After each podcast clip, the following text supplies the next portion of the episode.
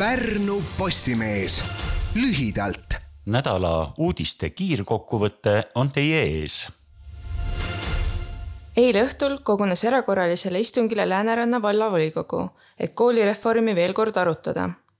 kuna eelmisel neljapäeval kinnitas valitsus väikekoolide toetusmeetme, pakuti välja kompromiss nii Virtsu kui Metsküla kooli suhtes. lapsevanemad lõpetavad kohtuvaidluse ja volikogu annab koolidele armuaega volikogu otsustas, et kompromissi ei sünni ja Metsküla kuueklassiline kool pannakse sügisest kinni. niisamuti otsustati, et Virtsu üheksaklassiline kool tehakse neljaklassiliseks. erakorralisest istungist võtsid osa kõik volikogu liikmed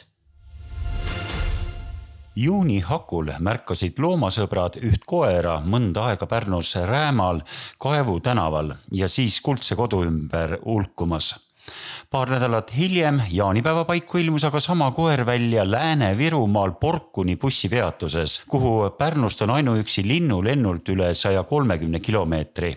sealkandis hulkus ta üheksateistkümnenda augustini Kilingi-Nõmmes tegutseva eravarjupaiga Aita mind koju perenaine Irmeli Grönberg muretses looma pärast ning tõi ta enda hoole alla ei pea olema just eriti terav pliiats, saamaks aru, et koer viidi Porkuni bussipeatusesse autoga, tõdes Grönberg, kes nüüd otsib inimesi, kes koerakese nii kaugele sõidutasid. Pärnu triatleedil Timo Jeretil jäi elus selja taha suur peatükk. pärnakas krooniti amatööride absoluutseks maailmameistriks suve pealinna Võhmamees pani Soomes lahtis poolpikal triatlonil kinni kogu ürituse ehk edestas kõigi vanuseklasside peale rohkem kui kolme tuhandet finišeerijat. alustanuid oli veel rohkem. kolmekümne aastane sportlane rääkis, mul on kogu tänavune aasta hästi möödunud. olen saanud teha ilma tagasilöökideta selle ühe päeva nimel pühendunult trenni. Jeret rassis treeningutel keskmiselt sada tundi kuus esimesel septembril on paljudes koolides aktus, kuid Tammiste lasteaia algkooli õpilased peavad kooliaastat alustama hoopis Sauga noortekeskuses, sest kooli juurdeehitus ei valmi õigeks ajaks augusti keskpaigaks valmima pidanud juurdeehitus viibis ootamatuste tõttu ning Tori abivallavanem Priit Ruut selgitas, et pelgalt maja valmimisest ei piisa. enne kui koolis saab õppetööd alustada, on vaja, et kõik tööd, sealhulgas koristustööd, oleks lõpetatud ja mööbel paigas õppetöö jätkub oma õpperuumides eeldatavalt teisest õppenädalast Tori vallas Tammiste külas tekitab elevust rebasepere, kes tänavatel ja hoovides luusib, otsides maja juures süüa ja lustides nii ukse taha jäetud jalanõude kui mänguasjadega.